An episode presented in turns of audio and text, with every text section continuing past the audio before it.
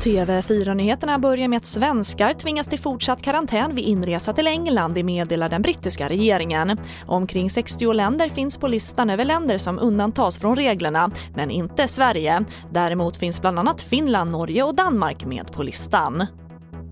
Och i dagarna får tusentals stockholmare över 70 år en enkät om livet under coronapandemin med posten. Syftet är att ta fram forskning som visar hur äldre faktiskt påverkas av social distansering, både psykiskt och fysiskt. Och Högsta domstolen slår fast att en elev som lyftes bort av en lärare på en skola i Lidköping 2017 inte utsattes för kränkning. Det innebär att lärarens ingripande att flytta på eleven som blockerade vägen i en rasthall var befogad och att eleven inte kränktes.